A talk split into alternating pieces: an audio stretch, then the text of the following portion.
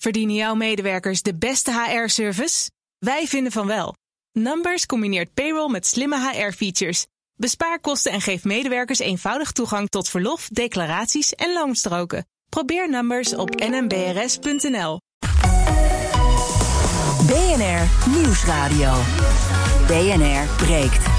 Ivan Verrips. Goedemorgen en welkom bij BNR Breekt, de perfecte onderwerking van je werkdag. Vanaf half twaalf eh, praten we over het eh, Kamerdebat, het Tweede Kamerdebat over de beruchte noodtulen van de ministerraad. Het debat eh, gaat zo beginnen met Farid Azarkan, want die heeft het debat aangevraagd.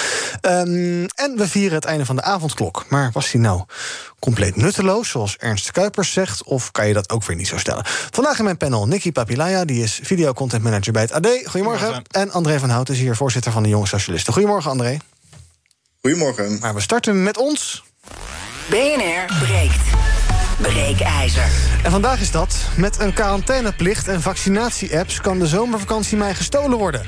Het Europees Parlement heeft ingestemd met een coronacertificaat om vrij te kunnen reizen. Een soort vaccinatiepaspoort. Maar zo mag het niet heten, want je mag er ook mee reizen als je een negatieve test hebt. Of als je onlangs corona hebt gehad. En intussen heeft de Tweede Kamer in ons eigen land gisteren ingestemd met een quarantaineplicht na terugkomst uit sommige buitenlanden. Maar is dat eigenlijk nog wel leuk als je met een. Uh, is dat nog wel nodig als je met een coronacertificaat gaat reizen? Waarom zou je dan nog uh, in quarantaine moeten? En is op vakantie gaan überhaupt nog wel leuk? Ons breekijzer dus. Met een quarantaineplicht en vaccinatie-apps kan de zomervakantie mei gestolen worden.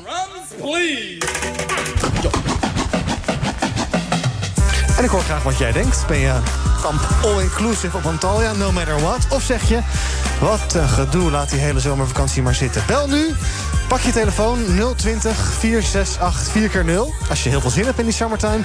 Of juist als je denkt, joh, ik zie het wel. 020 468 4x0. Ons breekijzer is met een quarantaineplicht en vaccinatie-apps... kan de zomervakantie mei gestolen worden. Zometeen praat ik erover met toerisme-deskundige Marco van Leeuwen. Maar ik begin met Sofie in het Veld, Europarlementariër namens D66. Goedemorgen, Sofie. Goedemorgen. En ik denk dat ik kan, kan beginnen met een felicitatie. Want dat certificaat, reiscertificaat, komt er hè, met overweldigende meerderheid in het Europees Parlement. Is dat nou, een felicitatie? Ja, we hebben, we, uh, nou, ik ben zeer blij met de heel grote meerderheid waarmee uh, het is aangenomen. Dat wil zeggen, dit is wat het parlement wil. Uh, maandag gaan we al samen zitten met de lidstaten om te onderhandelen. Want ja. die moeten ook instemmen. En over grote delen zullen we het eens zijn. Maar er zullen nog een paar harde noten te kraken zijn. Omdat lidstaten zeggen, ja, het is allemaal leuk en aardig, zo'n certificaat. Maar ja, we behouden ons toch wel een beetje het recht voor om, om dat soms wel en soms niet te, te, erkennen, zeg maar. Mm -hmm. ja, en dat, dat kan natuurlijk niet. Het moet voorspelbaar zijn, het moet zeker zijn. Als je afspraken houdt, dan moet je je daaraan houden. Uh, ik denk dat, zoals we het nu hebben ingericht... dat je met dat certificaat meer vrij kan reizen, maar ook veilig. Dus, he, want dat blijft natuurlijk ook gewoon heel belangrijk. Dus ik hoop dat uh, de lidstaten ook gaan inzien dat mensen dit nodig hebben. En niet alleen maar om op vakantie te gaan. He, dat gunnen we iedereen van harte na deze periode. Maar er zijn ook heel veel mensen die voor hun werk moeten reizen. Denk aan mensen die in het transport werken. Uh, of mensen die in een grensstreek wonen. Dat zijn er ook heel veel. Dus er kunnen heel veel redenen zijn dat mensen uh, de grens over willen gaan. En ook voor hen is dit belangrijk. Ja, nou, zometeen wil ik nog wel eventjes over die haak en ogen met je praten. Um, eerst, voordat ik uh, ga vragen aan mijn uh, gasten in mijn panel... nog even een oproep dus. Wil je reageren op ons breekijzer? Met een quarantaineplicht en vaccinatie-apps... kan de zomervakantie mij gestolen worden. Pak je telefoon en bel nu 020 468 4x0. André, welke kamp zit jij? Ga je kosten wat kost op vakantie? Of denk je, joh, als het zo ingewikkeld wordt... laat maar zitten dan. Nou ja, ik, ik vind het helemaal niet zo heel erg ingewikkeld. Uh, ik bedoel, je krijgt een uh, vaccinatie en dan dat moet je dat laten zien. En, en dan kun je gewoon vrij reizen. Tot die tijd zou je een negatieve test aan kunnen leveren. Ja, mm -hmm. ik zie daar niet zo heel veel uh, problemen in, als ik heel eerlijk ben. Ik nee. kan prima mee op vakantie gaan, dat is me echt wel waard hoor. Ja, maar we konden in Europa toch überhaupt al vrij reizen? Nu niet meer. Nee, dat klopt. Maar nu zijn uh, natuurlijk vanwege al die uh, coronamaatregelen... is het natuurlijk heel uh, lastig om vrij te reizen... omdat je daarmee natuurlijk de besmettingsrisico's alleen maar groter maakt. En ik denk dat dit voor nu, op korte termijn... in ieder geval voor deze zomer, wel, wel een goede oplossing is. Natuurlijk moet je op termijn weer gewoon vrij kunnen reizen... zonder dat er allemaal, zonder dat er allemaal vereisten voor nodig zijn. -hmm. Want daar is heel de EU op, op gebaseerd. Maar voor nu, op korte termijn, lijkt het mij wel een, een goede maatregel. Ja, en dat je dan, als je, stel, je zegt zelf al, met een beetje mazzel zijn we gevaccineerd. Nou ja, zomer, misschien iets daarna, geen idee. en dat je dan terugkomt en dat je dan in principe tien dagen in quarantaine moet. Of vijf als je gaat testen. Maar is dat niet ook een beetje dubbel op? Dat je, je krijgt allemaal lappendekel van regels in allerlei landen en gebieden. Ja, dat vind ik dan wel weer heel dubieus. Dus aan de ene kant zeg je, nou, je moet een negatieve test aanleveren of een vaccinatie hebben. En, maar dan moet je vervolgens alsnog in quarantaine. Kijk, begrijp dat als je, als je het ergens oploopt, uh, en je bent gevaccineerd, weet je, dan kun je het nog steeds meedragen. Maar als je op een gegeven moment hebt dat een meerderheid van Nederland, of een meerderheid van alle lidstaten, en als meerderheid van Nederland is gevaccineerd, nou dan is de rest al lang klaar. Ja. Uh, gezien dus de vaccinatiestrategie en de, en de werking daarvan hier. Uh, dan, dan zie ik niet zoveel hel in die quarantaineplicht. Want dat, wat is dan het hele doel van, de, van het vaccineren? Ja, nou gaan we zo bespreken. Nicky, wil je even reageren op ons breekijzer? Met een quarantaineplicht en vaccinatie-apps kan de zomervakantie mij gestolen worden. Ja, ik, ik, ben het ook mee oneens. Want je kan mij echt van alles vragen, want ik wil echt heel graag op vakantie. Mhm. Dus ik denk dat dit een uitkomst gaat uh, bieden. En ik denk dat het ook de eerste stap weer is om op Europees niveau terug naar normaal te gaan. En ik denk dat het ook vooral voor bijvoorbeeld reisorganisaties zoveel meer perspectief biedt dat we nu weer normaal mogen reizen in plaats van alleen noodzakelijk. Dus ik denk dat het zeker wel een extra stap in de goede richting is. Ja. Sophie, je zei al, er zijn ook wat, uh, wat bezwaren, wat haken en ogen. Misschien eentje die aansluit ook bij wat Nicky zegt: van ja, ik zou eigenlijk alles doen als ik maar weer op reis kan. Um, is dit niet in, indirecte dwang om je te vaccineren? Want anders zit je gewoon de hele dag thuis op je paar vierkante meter. Nee, daar precies daarom uh, hebben we gezegd... het is niet alleen maar voor mensen die gevaccineerd zijn... want sommige mensen die, die zijn gewoon nog niet aan de beurt... of die willen of kunnen zich niet laten vaccineren. Daarom heb je ook de optie uh, om zo'n certificaat aan te vragen... als je negatief getest bent of als je hersteld bent van corona... en dus antilichamen hebt. En ik, wat, wat de, de eerste spreker zei is wel interessant. Feitelijk hebben we al lang vrij verkeer in Europa. Mag je vrij door Europa reizen? Het probleem is dat omdat elke lidstaat uh, zijn eigen maatregelen neemt... Uh, en, en soms op nog lager niveau, regionaal niveau... hebben we een, een idiote lappendeken van maatregelen in Europa. Dat is het probleem. Uh, en dat hopen we nu met dit certificaat te, te, overkomen. Maar. Het recht van mensen om door, gewoon vrijelijk zich door Europa te bewegen... dat dat, dat mag niet aangetast worden. Dat is een, een, belangrijk recht en ook iets waar onze samenleving en ook onze economie op gebaseerd zijn. Ja. Hoe kijk je dan naar die quarantaineplicht bijvoorbeeld? Want eh, ja, allerlei landen gaan dus zelf een beetje het wiel uitvinden. Uh, kan je dat nu nog voorkomen? Nou, kijk, luister, we hebben wel met een pandemie te maken, dus dat er, dat er uh, veiligheidsmaatregelen genomen moeten worden, dat zal niemand ontkennen. Maar als je kijk, bijvoorbeeld even kijkt naar de Verenigde Staten, ook daar hebben ze uh, coronabeleid, hè, zeker sinds Trump weg is. Ook daar worden maatregelen genomen, ook daar zijn ze aan het vaccineren, aan het testen, ook daar zijn lockdowns en, en quarantaines. Maar je mag nog steeds gewoon vrij door de VS reizen. Je hebt geen pas nodig, geen, de grenzen zijn niet dicht. Uh, dat kan als je, dat, als je daar goede uh, gezamenlijke afspraken over maakt, een gezamenlijke lijn intrekt. En daar zit het probleem dat elke hoofdstad, elke nationale regering heeft gezegd: Nou, uh, wij trekken ons er niks van aan, we doen ons eigen ding. Um, ja, en dan krijg je die lappendeken. Dat is het, dat is het probleem. Maar goed, wij zijn heel blij dat we nu uh, ook een heel stevig mandaat hebben in het Europees Parlement. Om echt uh, in de onderhandelingen met de lidstaten te zeggen: jongens, denk nu eens een keer eerst aan het belang van de mensen. Wat hebben de mensen op dit moment nodig? Die hebben geen behoefte aan een discussie over subsidiariteit of nationale soevereiniteit. Die willen hun vrijheid terug. Ja. En die willen veilig en vrij door Europa kunnen bewegen. Dat moet voorop staan. Ja. Andy, goedemorgen. Goedemorgen. Zeg het maar. Ja, ik ben het absoluut uh, niet eens met de stelling. Dus even kijken hoe het geformuleerd is. Maar uh, dus... onlangs is de WHO nog met cijfers gekomen over hoe gevaarlijk corona is. Mm -hmm. uh, 0,15% IFR. Ah, ja. Vergelijkbaar aan de griep. Um, en dan denk ik, ja, waarom uh, doen we hier zo moeilijk over met z'n allen? Ja, okay. het is, de, de baseline wordt steeds omhoog geschoven van... ja, het is echt heel gevaarlijk, maar het valt best wel mee. Nou, dat ga ik even voorleggen. Die cijfers, die IFR-cijfers, daar ga ik niet over met je in discussie. Die heb ik niet scherp, maar ik weet niet of dat helemaal klopt. Uh, Sophie, wat zeg jij tegen mensen die zeggen... ja, weet je, corona, het is allemaal niet zo heel, uh, niet zo heel spannend?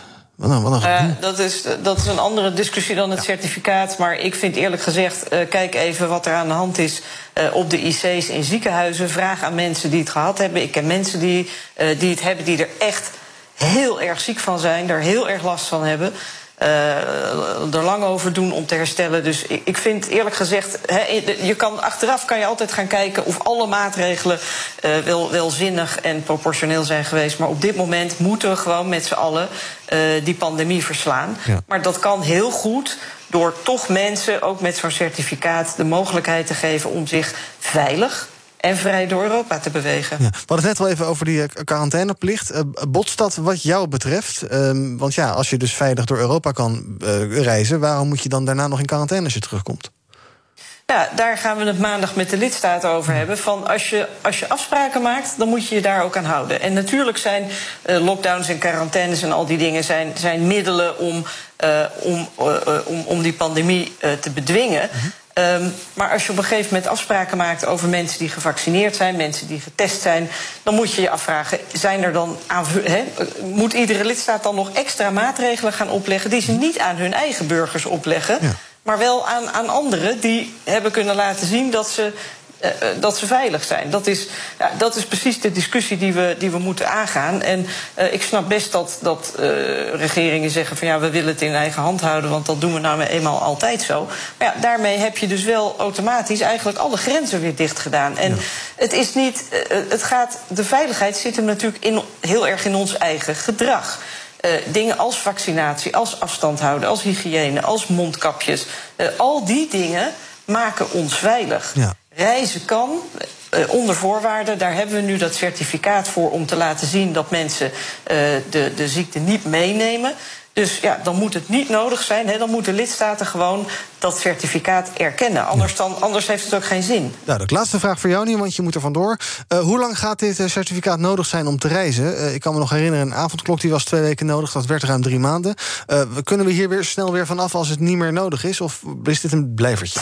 Nou, we hebben in het parlement gezegd... er moet hoe dan ook, moet deze regeling automatisch na twaalf maanden vervallen.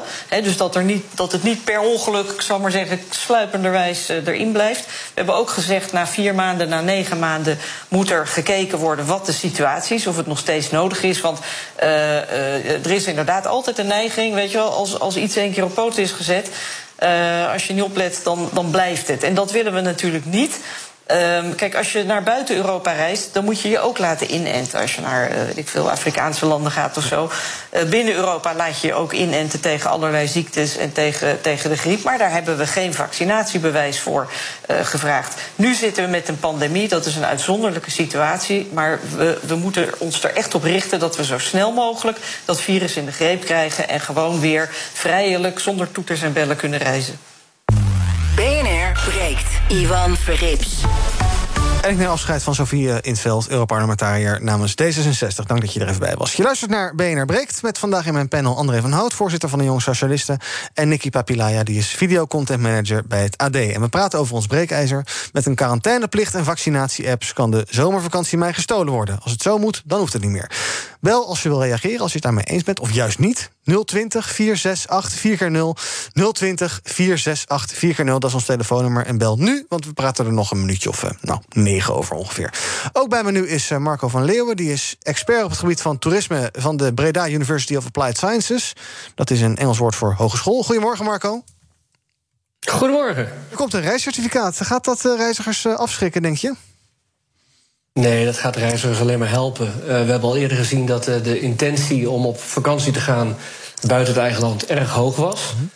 Um, nou, die intentie kan nu omgezet worden. En we zien al dat de afgelopen twee maanden de boekingscijfers gelukkig voor de, voor de industrie weer wat uh, oplopen. Uh, ja, god, we zien daarin wel dat, dat we vooral binnen Europa op vakantie uh, blijven en, en op vakantie gaan. En vooral ook nog eens een keer dichterbij. Dus, dus aan de ene kant zien we, we gaan met, massaal in Nederland op vakantie. -huh. Maar buurlanden als, als België, uh, Duitsland, Frankrijk doen het ook erg goed. Ja, nu, nu met dat paspoort, uh, of het coronacertificaat, het COVID-certificaat, kunnen we ook makkelijker naar Spanje of Italië. Ja. Um, Nicky, had het niet ook wel een beetje de lol uit het reizen weg? Want eventjes een, een weekendje weg, boeken snel op vrijdagmiddag... dat je denkt, oh verrot, ik heb de komende twee dagen niks in mijn agenda. Dat is leuk. Ja, ik, maar ik denk dat heel, in heel veel zaken de lol ondertussen wel uit is. Maar het gaat daarentegen wel helpen. Alleen, ik vraag me nog wel af of dit niet een soort ongelijkheid creëert. Want vooral als ik kijk naar de jongeren... die zijn wellicht als laatste aan de beurt, mm -hmm. bijvoorbeeld eind augustus... die kunnen dan niet meer op vakantie, dan begint het nieuwe schooljaar... Of je moet je laten testen, dus dan kan Ja, maar dat, in Nederland kost dat helaas nog geld... Mhm. om PCR-testen met certificaten te doen. Dus ik denk, als we dan Europees gelijk gaan trekken... dan moet er ook een soort regeling komen voor die testen. Dat je Mhm. niet bijvoorbeeld in Frankrijk een gratis test kan krijgen... dat je er hier ongelooflijk veel geld voor moet betalen. Als je dan bijvoorbeeld door België, Frankrijk en Luxemburg zou reizen... zit je misschien al aan drie of vier PCR-testen. Ja, dan blijf je bezig. Omdat wij nog niet zo snel aan het vaccineren zijn. En ik denk dat dat, dat toch een ongelijkheid gaat creëren. Ja, nou, er is ook niet zoveel goed nieuws over vaccinaties... maar daar gaan we het zo meteen in het komende half uur nog wel eventjes over hebben. Er zijn weer cijfers bijgesteld en ook voor deze week wordt er geloof ik... eh 70.000 minder eh, prikken gezet dan gedacht. Heel fijn allemaal.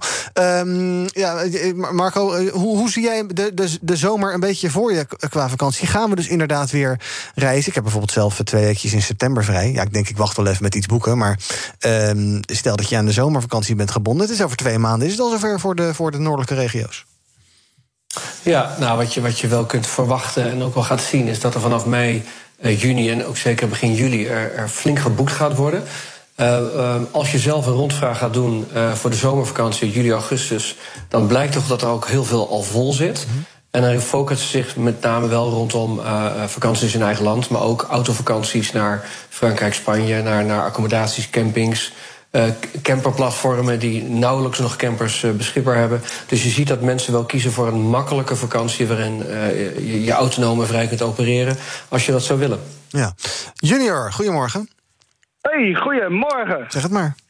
Ehm, ik vind het een beetje. ehm, Ik vind het een goede stelling. Alleen ik heb er vraagtekens bij waarom die er überhaupt is. Omdat volgens mij gingen we niet doen aan een indirecte vaccinatieplicht. Maar nu maak je het zeg maar. eh, zo moeilijk en ingewikkeld dat het eigenlijk makkelijker is om een, eh, om een vaccin te nemen. Terwijl ja, onze minister van Volksgezondheid nu dan wel een beetje aan het bepalen is wat niet essentieel is en wat wel essentieel is. Ja. En vind ik het een beetje raar dat dan überhaupt. ehm, ja, het is een goede stelling, maar eigenlijk past hij dus niet in wat ze besloten hebben, in mijn optiek. Nee, nou ja, nee, oké. Nou, wat wil ik- voorleggen aan André? Ehm, eh, want we hoorden Sofie net ook zeggen... ja, je kan eh, reizen, ehm, eh, ook als je gaat testen. Maar ja, Nicky zegt dan... eh, ja, dan ben je continu aan het testen de hele tijd. Ja, nou, wat net werd gezegd door Nicky inderdaad... Dat, dat je een beetje een ongelijkheid krijgt... omdat veel jongeren natuurlijk later aan de beurt zijn met, eh, met, de- met de vaccinaties. En nou, die vaccinaties lopen sowieso eh, trager dan in de meeste landen in Europa... eh, hoe het daar gaat. Eh, maar ja, dus daarom lijkt het me wel heel handig... dat je, dat je die test in ieder geval voor de time being... totdat iedereen in ieder geval de mogelijkheid heeft gehad om te kunnen vaccineren... dat je die in ieder geval gratis beschikbaar stelt. Kijk, dat je voor evenementen of... ehm, eh, of festivals, zeg maar. Dat je daarvan zegt van nou, je hebt een zelftest, nou die moet je zelf goed doen. Nou, dat komt er, van hoeveel komt er dan bij? 7,50 op je festivalticket. Ja, dat vind ik dan weer een ander verhaal. Maar als je inderdaad zo'n reis maakt waar je gecertificeerde, eh, gecertificeerde eh, test voor moet doen, ja, dan lijkt me dat wel vrij handig om dat, om dat gratis te maken vanuit de Europese Unie. Ja. Ik vind 57 op elk festivalticket ook best pittig hoor, als je 40, 50 euro betaalt. Maar goed. Ehm, eh, jouw moederpartij, de PvdA, pleitte ervoor dat die, dat die quarantaineplicht niet zou gaan gelden voor mensen die gevaccineerd zijn. Dat is er niet, niet doorheen gekomen. Ehm, ja, eh, dat voelt toch heel gek, hè? Dat je Ja, dus een vaccin hebt binnenkort. Dan kan je wel gaan reizen, maar dan kom je terug en dan moet je alsnog. eh, je kan niet meer ziek worden, maar je moet dan dus wel in quarantaine zitten.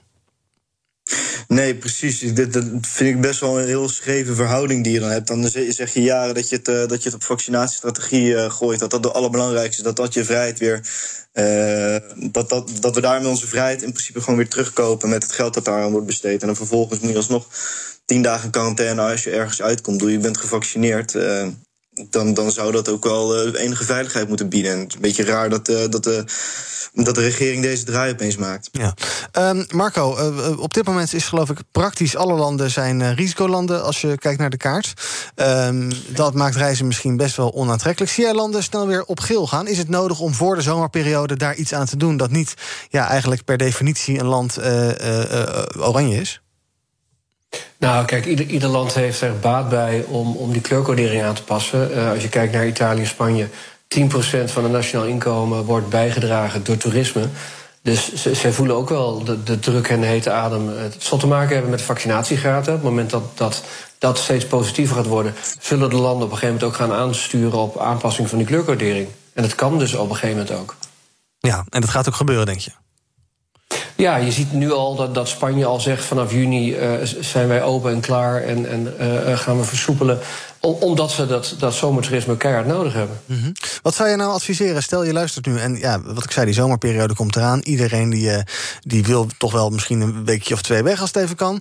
Uh, zeg je van, goh, wacht maar even of boek maar alvast iets... en dan zie je dan wel, dat voelt ook heel risicovol. Wat is, wat is nou het handigst om te doen nu? Nou ja, ik, ik, ik, zou persoonlijk doen wat je een beetje ook in, in alle data leest. men boekt wat later en korter voor vertrek. Dus uh, hoe makkelijker uh, heb je die flexibiliteit? Ja, kijk het aan voor wanneer jij denkt, nu kan ik gaan boeken. En je kunt ook nadenken, als je het over de zomer heen kunt tillen... en je zit niet vast aan een zomervakantie... ja, dan kun je vanaf september, oktober steeds makkelijker vrijer gaan reizen. Ja. Um, nog heel even over die quarantaineplicht praten. Um, uh, André, de debat gisteren ging ook over... ja, hoe ga je dat dan handhaven? Kan dat eigenlijk? Er komen belteams, er worden een soort BOA-teams komen er... maar er zitten maar een paar mensen in... die moeten al die quarantaines gaan handhaven... Um, ik heb het idee een quarantaineplicht, als je daar onderuit wil komen, dan gaat het je echt wel lukken. Dan neem je gewoon de telefoon niet op. Of je gaat op je dakterras zitten en je zegt: Oeps, ik heb telefoon niet bij me. Helaas, kon de deur niet open doen. Uh, dat is toch wel die naleving, dat wordt wel een beetje een wassen neus van die plichten. Ja, maar ik vind het ook wel een beetje, ja, sorry dat ik het zeg, een beetje debiel dat als je. Bedoel, ik zei het net al, ik bedoel, jaar, een jaar lang zitten we, zitten we te focussen op die vaccinaties, dat die zo belangrijk zijn. Vervolgens hebben die quarantaine. Nou, en dan moet er ook nog een heel BOA-team komen die mensen in hun huis gaat controleren of ze daadwerkelijk wel thuis zijn. Mm-hmm. Niet even een ommetje aan het wandelen zijn, telefoon opnemen. Weet je, het wankelt aan alle kanten. Naast dat het principieel ook gewoon vrij, vrij vreemd is in hun huis zo erg te controleren. Terwijl dat voor, voorheen, uh, wanneer iemand daadwerkelijk ziek was en daadwerkelijk corona had, ook niet werd gedaan. En nu opeens als iemand op reis gaat wel, terwijl die dan niet eens corona hoeft te hebben. En de kans zelfs nog kleiner is. Ja, nou ja, Hugo de Jonge zegt, we kunnen mensen die positief getest zijn, kan ik niet verplichten om in quarantaine te gaan, want dan gaan mensen gewoon niet meer testen, met alle gevolgen van dien. Uh, Nicky, stel dat jij nou op reis moet en uh, ja, je moet naar een land dat oranje is, wat dus ongeveer alle landen zijn, en je komt terug. Ga je dan braaf in quarantaine of denk je van, joh, weet je, succes ermee. Ik heb een beetje opgepast, ik heb niet heel dicht op andere mensen gezeten.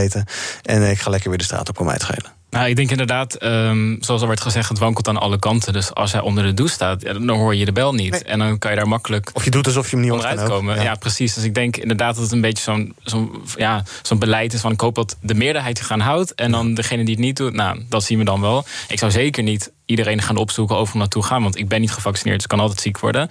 Maar ik ga mezelf niet binnenhouden als ik een boodschap moet doen, bijvoorbeeld. Nee, precies. Duidelijk, dankjewel. Ook dank aan Marco van Leeuwen, de expert op het gebied van toerisme van de Breda University of Applied Sciences. Ja, dan belt er nu nog iemand. Weet je, laten we het gewoon even proberen. Even kijken, live in de uitzending. Mark, goedemorgen. Dag, ik wilde graag even melden dat het kan gestolen worden, is wordt van me gestolen. Ja. Dus de stelling is een fout, een uh, hele fout. Ja, taalkundig helemaal fout dus. Ja, nou, niet taalkundig, emotioneel. Emotioneel Ja, want... ja, natuurlijk. Is een vooringenomen stelling op deze manier. Ja, maar dat is altijd met een stelling, hè? Dat is een, ja, dat is een soort standpunt en dan kan je het mee eens zijn of mee oneens. Nou ja, maar dan, dan, taalkundig is die ook heel fout. Ja, dus eigenlijk aan alle kanten fout. Hij is aan alle kanten fout. Ja, nou, dankjewel voor het bellen. Oké, okay. leuk. Ja. Dag. Dag Marco, dag. Nou, leuk. Goed. Wat ik zei, dank aan Marco van Leeuwen, die uh, van de Breda University of Applied Sciences is. Zometeen praten we verder met het panel over het notulendebat. Of is het notulendebat? Oh, had ik net even willen vragen aan Mark, maar die is net weg. Uh, inmiddels is vak helemaal volgestroomd met allemaal ministers... die ook nog zijn gevraagd om langs te komen. Gezellig. En nou, we gaan het dus hebben over Rutte. Gaat hij het weer zo zwaar krijgen als vier weken geleden? Of lacht hij alles weg? We bespreken het zo in het tweede deel van BNR Breekt. Tot zo. Verdienen jouw medewerkers de beste HR-service? Wij vinden van wel. Numbers combineert payroll met slimme HR-features. Bespaar kosten en geef medewerkers eenvoudig toegang tot verlof, declaraties en loonstroken. Probeer Numbers op nmbrs.nl. BNR Nieuwsradio. BNR breekt. Ivan Verrips. Welkom terug. Vandaag in mijn panel André van Hout, voorzitter van de Jonge Socialisten... en Nicky Papilaya, die is videocontent manager bij het AD. Um, zometeen gaan we praten over het uh, notulendebat... wat nu in de Tweede Kamer wordt uh, gevoerd. Ja, ik blijf toch gewoon notulen zeggen, denk ik hoor... want ik vind notulen heel erg klinken. Ik zie nu uh, Lilian Marijnissen, de derde spreker... en nou, we gaan zo bespreken wat daar allemaal is gezegd tot nu toe... en of dat nou nog spannend wordt of helemaal niet. Eerst even nieuws van ehm, een paar minuutjes geleden... en een half uurtje geleden ongeveer, namelijk over vaccinaties. Dat is toch wel wat ons allemaal bezighoudt. Um, het RIVM heeft het aantal gezette vaccinaties bijgesteld... met zo'n 220.000 naar beneden... Komt door een programmeerfout op 13 april. En toen zijn er dus te veel vaccinaties gerapporteerd.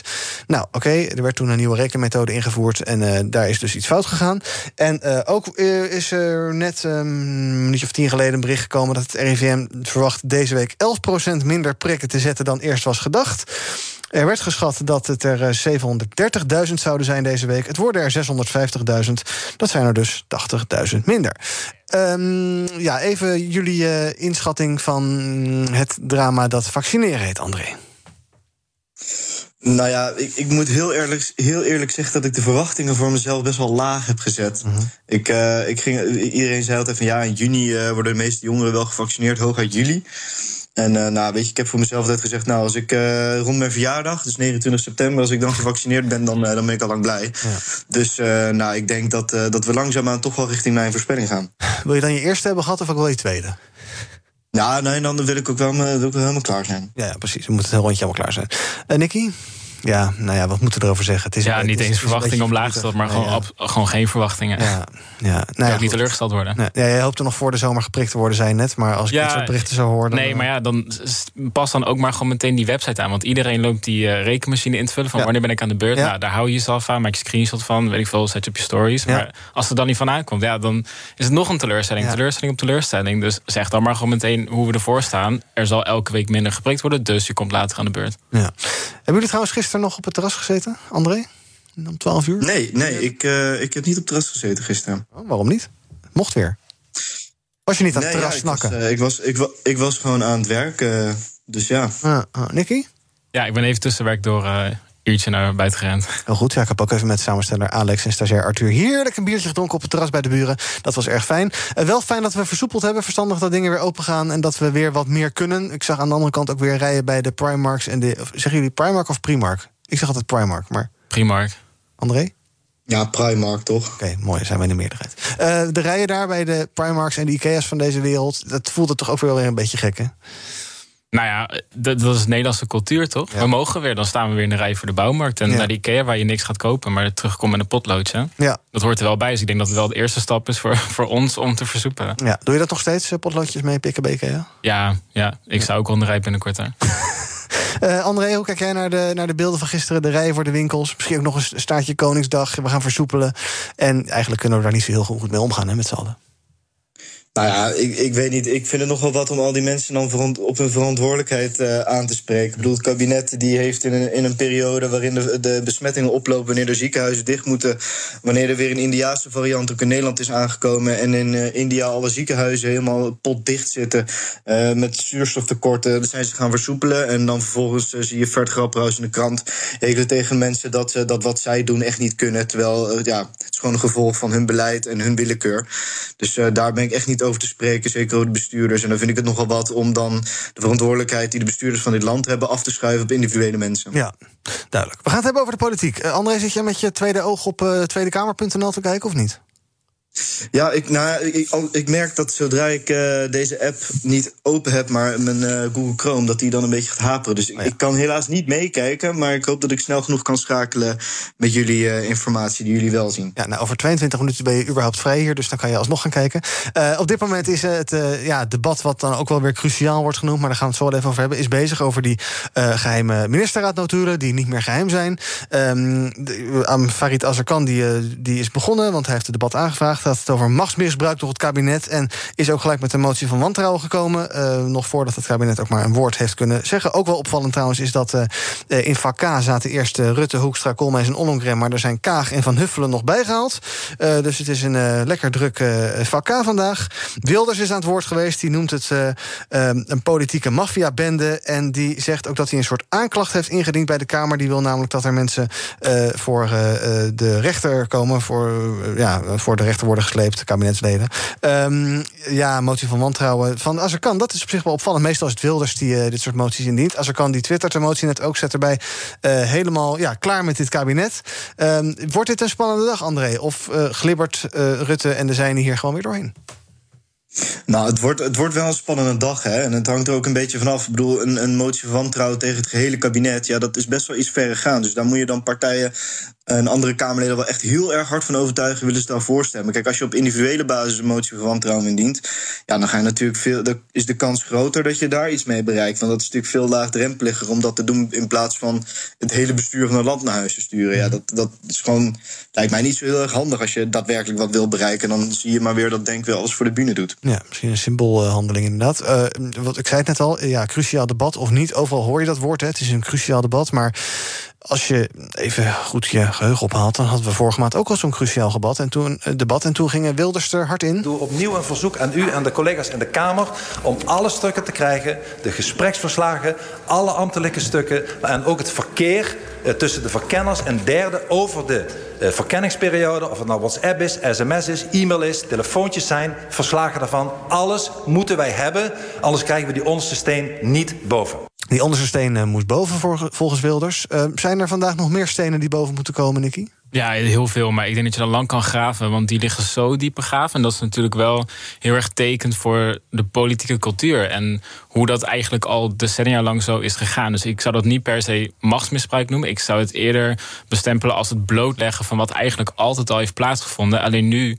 ja, de mensen zijn kritischer geworden. Ook, ook het volk. En ik denk dat wat de kern die wordt vergeten is... het gaat niet om wat er nou precies in die notulen staat... maar het gaat erom dat de Nederlandse samenleving heeft een motie van wantrouwen ingediend, om het zo even te zeggen. Want we vertrouwen het niet, we snappen het niet. Het duurt lang, er komt maar geen kabinet. En de gewone burgers zoals ik, die begrijpen niet waarom dit zo lang duurt. En als er dan ja, Kamerleden opstaan die zeggen... we willen gewoon alles lezen, zodat wij het ook kunnen zien. Dat we eindelijk begrijpen hoe gaan deze zaken. En dat je dan een stap verder vooruit komt. Dus ik, er moeten zeker heel veel stenen naar boven worden gehaald vandaag. Ja, welke stenen zie jij uh, liggen, André, waarvan je denkt... van die zou ik wel eens omgedraaid en bovenop willen zien? Um, ja, god, weet je, er is, er is hartstikke veel besproken. En ik denk inderdaad wat, wat Nicky ook zegt... dat er gewoon in het hele systeem een hoop stenen liggen... die je naar boven wil graven. Daar is moeilijk, uh, moeilijk eenduidig antwoord op te geven... omdat die natuurlijk overal verstopt liggen. Ja, zie, daar maar, uh, zie daar maar uit te komen. Je weet niet wat je, je wil gaan graven, maar je weet niet wat je opgraaft. En nee uiteindelijk komen we denk ik voor heel veel verrassingen te staan als er steeds meer transparant wordt. Ja. Gaat dit nou nog verdere schade aanrichten? Je zou kunnen zeggen, uh, ja, die ministerraad die komt er niet zo goed vanaf. Vooral iemand als Koolmees bijvoorbeeld. Uh, maar gaat dit nou ook nog andere partijen schade toebrengen? Of uh, zijn we dit bij wijze van spreken over twee weken allemaal ook weer vergeten? André? Nou, ik hoop niet dat we het bewijs uh, uh, zijn vergeten. Zeker niet. En er zijn gewoon een aantal zaken in die, in die in notulen naar voren gekomen die mij wel nou ja, gechoqueerd gebruik ik niet zo vaak, maar die mij toch wel echt hebben gechoqueerd. Mhm. En ook vooral zaken waar ze, het, waar ze het niet over hebben gehad. Uh, dus ik hoop niet dat dit over twee weken vergeten is. En ik, ik hoop dat dat ook niet gebeurt. Ik hoop dat Cenk Willink, die.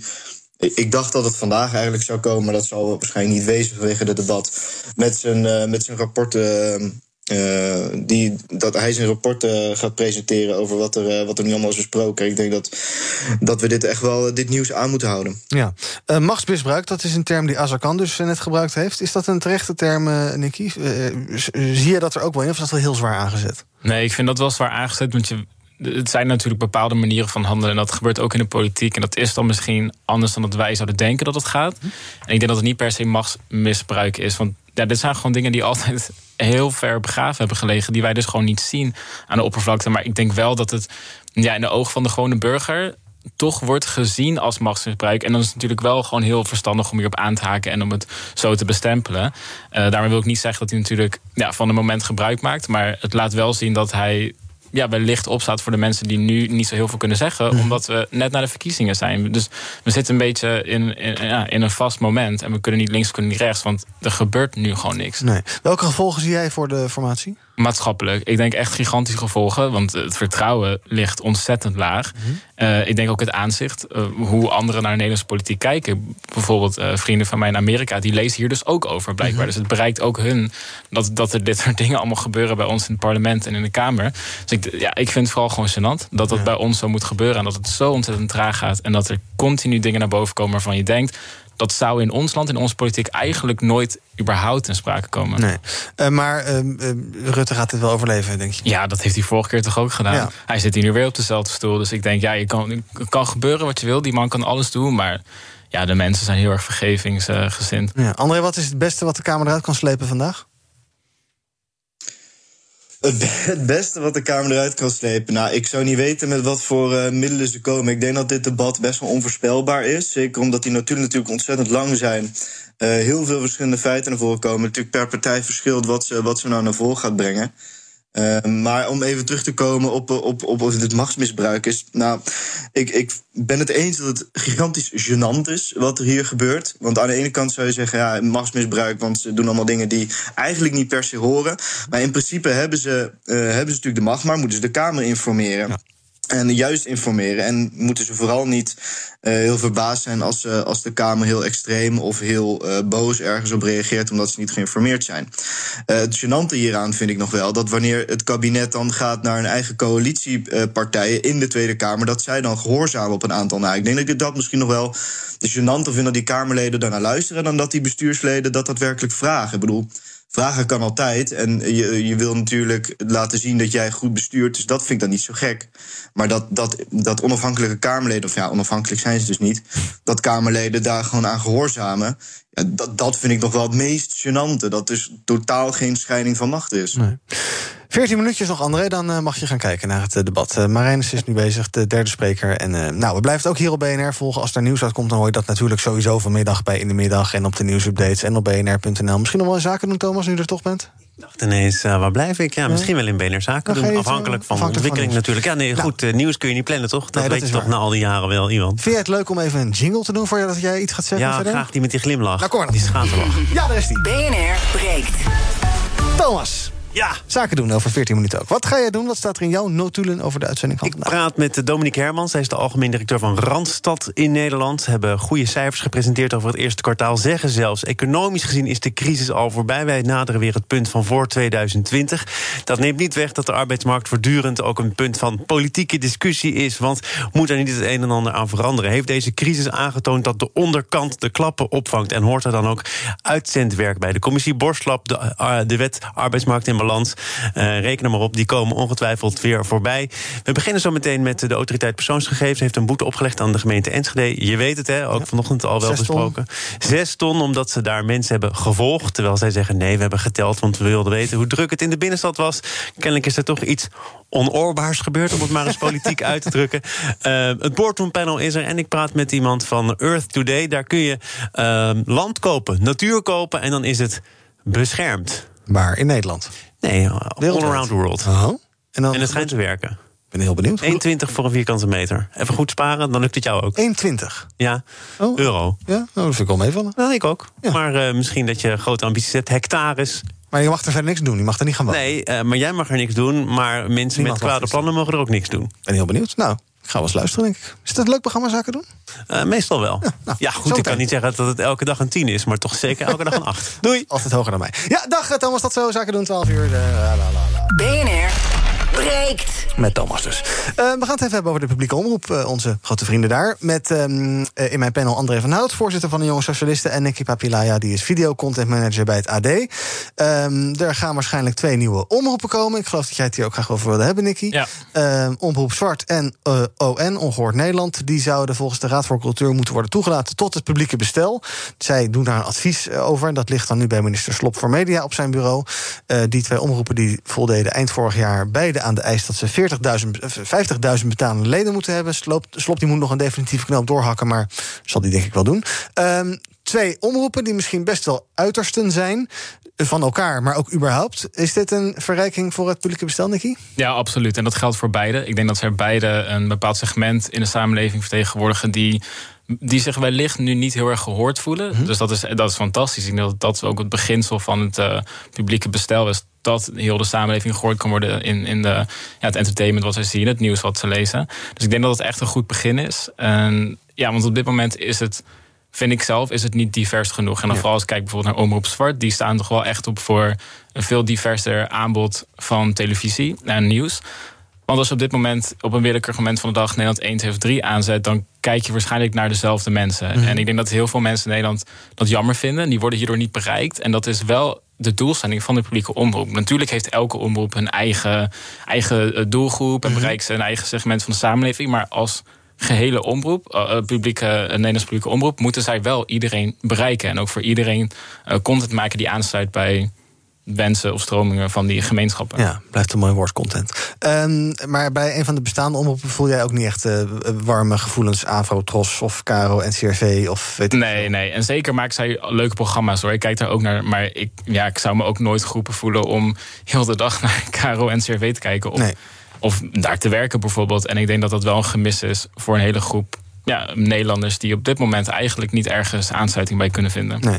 Um, André, waar kijk jij het meest naar uit? Naar Omroep Zwart of naar Ongehoord Nederland? Of naar allebei of naar allebei niet?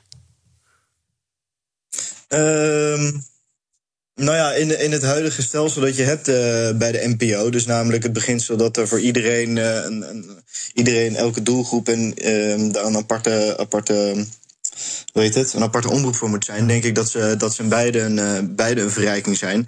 Al moet ik er wel bij zeggen dat ik sowieso. Um, als ik naar mezelf persoonlijk kijk, dat ik wel heel de, heel de omroepenstelsel het liefst afgeschaft zou willen zien. En dat we gewoon één grote NPO hebben. En dat je daar vanuit boven kijkt van goh, hoe kunnen we al die mensen vertegenwoordigen? Want nu is het een soort verantwoordelijkheid per omroep. Mm -hmm. Ja, dan blijf je natuurlijk een beetje in dat zuilensysteem. En nou, als je het dan een beetje in de 21ste eeuw termen wil gooien, dat iedereen in zijn eigen bubbel blijft en vooral naar zijn eigen bubbel kijkt. Uh, dat je dat allemaal faciliteert, ja, dat vind ik best wel de grootste onzin. Maar ja, nu hebben we dat systeem. En ja, er zijn een aantal bubbels die buiten de boot vallen. En dan is het logisch dat die, uh, dat die een eigen plek krijgen. Ja, een soort BBC-model pleit je dus voor. Um, um, uh, ja, en, en ik, jij kijkt dus vooral uit naar Omroep Zwart. Waarom niet naar Ongehoord Nederland? Die gaan ook een heel nieuw geluid brengen in, in, nee, in, in Ik kijk wel naar uit dat, dat zij ook wat gaan maken. En dat zij ook wat gaan doen voor de mensen die daar geïnteresseerd in zijn. Maar dat ben ik zelf niet. Mhm. Mm -hmm. Maar ik ben wel blij dat ja, andere mensen die ik misschien ken of niet ken, die dan wel ergens naar kunnen ja. kijken waar zij zich bij uh, gehoord voelen. Dus als er vraag naar is, dan is het. Uh... Ja, absoluut. En er is vraag naar. Ja. Dat blijkt ook uit, uit die handtekeningen en uh, het aantal leden. Dus zeker, dan moeten ze dat vooral gaan doen. Ik ben benieuwd wat ze gaan maken. Omroep Zwart en Ongehoord Nederland. Misschien binnenkort op een tv- of radiozender vlak bij u. We gaan even kijken wat er trending is op de socials. Hashtag Wieberen van Haga. Zijn tweet over de uh, avondklokafschaffing is uh, de meest geretweete tweet van de dag. Dat daar wel. Hashtag Kuipers is trending. De voorzitter van het landelijk netwerk Acute Zorg. En dat heeft ook te maken met hashtag Avondklok. Die is ook trending. Um, het zal uh, niet vaak meer gebeuren waarschijnlijk. Want gisteren werd hij eindelijk afgeschaft. En dat werd hier en daar zelfs gevuurd met vuurwerk. Nou, vuurwerk dus. Gezellig vuurwerk. Vuurwerk dus gisteravond, de avondklok is weg, dat werd gevierd. Uh, vier jij de avond, het weg zijn van de avondklok nog, Nicky? Nee, ik was, ik was, het was me echt voorbij gegaan. Heb ik nog meer, ben je er blij mee? Ja, absoluut. Ja, echt, ja, dus ik vind het wel echt een belemmering. Niet omdat ik elke avond met iedereen een feest heb... maar wel omdat het gewoon soms niet goed uitkomt. Dat je mm. na tien uur niet nog kan reizen... of ja. naartoe kan gaan of naar huis kan gaan. Dus het belemmert ook wel je sociale contacten. Vooral voor de studenten die vaak al tot heel laat bezig zijn... met hun schoolactiviteiten dan heb je soms wel echt die uurtjes na tien uur nodig. Of na negen uur. Ja. Uh, André, heb jij gisteren om één minuut over tien nog een demonstratief ommetje gelopen? Nou, ik heb niet een. Ben ik nog hoorbaar? Zeker, voor mij wel. Oh, nou, bij mij viel alles een beetje weg. Sorry.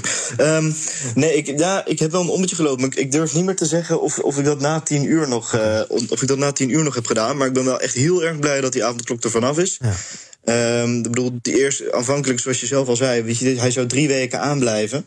Um, nou, dat werd steeds verlengd. Nou, dat is echt.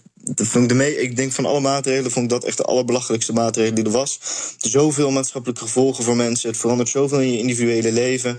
De vrijheid die je hebt om op straat te kunnen lopen is al wel echt een hele fundamentele. En ik ben heel blij dat die van tafel is. Al is dat, uh, komt dat wel 2,5 maand te laat. Ja, ik vond het zelf opvallend. Ik liep vanochtend om kwart over vier naar mijn auto. En dan uh, denk je toch van, goh, dat, het went ook best wel snel. Dat is misschien een slecht teken als zo'n avondklok snel went. Maar we zijn er nu gelukkig vanaf. En het was ook vanochtend een stuk drukker op de weg. Dat is dan wel erg fijn. Nog even naar Ernst Kuipers van het Landelijk Netwerk Acute Zorg. Ik noemde hem net al.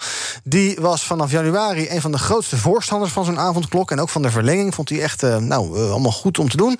Maar gisteren kwam hij bij Bo opeens tot een hele andere conclusie. De berekening was dat het 10% zou verminderen. Het is niet een gecontroleerd experiment, maar als je kijkt naar het beloop van de ziekenhuisopnames in de tijd, dan zagen we daar zowel bij de invoering als bij het eerst wat opschuiven het eigenlijk geen enkel effect. Het heeft geen effect gehad. Dus eerst was hij een voorstander.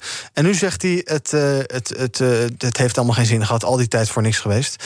Um, Nicky, wat moet je hier ja, Waarom zeggen? zegt hij dat nou? Ik vind dat zo jammer. Dat, dat kan misschien wel zo zijn. Maar het laat ons alleen maar nog Laat ons slechter dan maar in de waan dat Ja, het wel zeg dan maar gewoon dat het iets heeft gedaan. Dat het allemaal prima verloopt in het ziekenhuis. Dat we allemaal met eh, blije gezichten daar mensen aan het helpen Ja. zijn. Want dit, dit voelt alleen maar nog erger. En het, dit helpt ook zeker niet voor het draagvlak van de andere maatregelen. Als je dus laat zien, oh, het werkt blijkbaar niet. Want Ja. Maar is dit een dan met de andere maatregelen werken die dan wel? Is dit een gevalletje schoenmaker hou je bij je leest... en blijf lekker bij de ziekenhuizenbusiness... waar je goed in bent waarschijnlijk. En ja, dit ja, soort...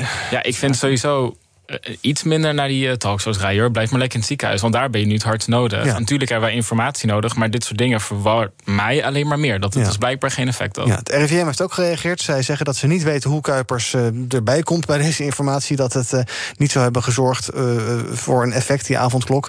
Ehm, ze zijn nog kijken wat het heeft opgeleverd, die avondklok. Maar dat is nog work in progress, al dus een woordvoerder van het RIVM.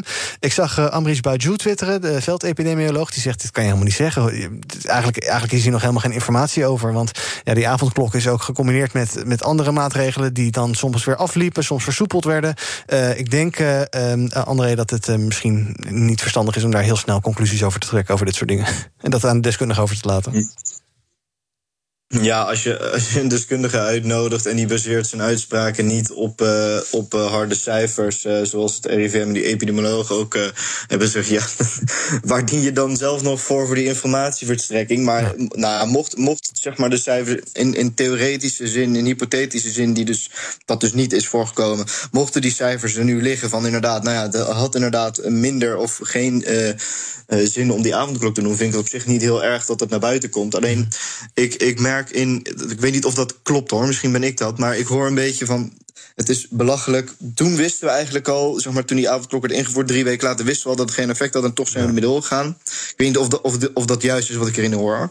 Ehm, maar vervolgens heeft u er zelf mee ingestemd. Dus ik, ik weet niet wat, ehm, wat, hier, wat hier achter zit. Ik, eh, nou goed, ik ben er een beetje stil van. Ja, ik zag Beetje een van, vreemd. een van de roddelbladen dat hij een heel groot huis heeft met een tennisbaan. En er was allerlei commentaar van Jerry Baudet, geloof ik. Hè? Die had getwitterd van ja, die man heeft hartstikke veel ruimte. Dus die kan lekker thuis. eh, Oh ja, Ernst Voldemort Kuipers twitterde hij. Nou ja, goed. Ehm, dankjewel, eh, André van Hout, voorzitter van de Jonge Socialisten. En hup naar tweedekamer.nl het debat volgen. Nicky Papilaya, dank. Video content manager bij het AD. Wat ga jij vanmiddag doen? Tweede Kamer of iets anders? Nee, ik ga weer terug naar werk. Werk ze. Morgen is BNR Breekt er weer. Tot die tijd kan je ons volgen op de socials op Twitter, Instagram, YouTube. Natuurlijk onze website bnr.nl. Zometeen, voor mensen die denken... oh, dat ouwe hoer in die Tweede Kamer... dan is Thomas van Zelder met Zaken doen. Eh, Verdienen jouw medewerkers de beste HR-service? Wij vinden van wel. Numbers combineert payroll met slimme HR-features. Bespaar kosten en geef medewerkers eenvoudig toegang tot verlof, declaraties en loonstroken. Probeer Numbers op nmbrs.nl.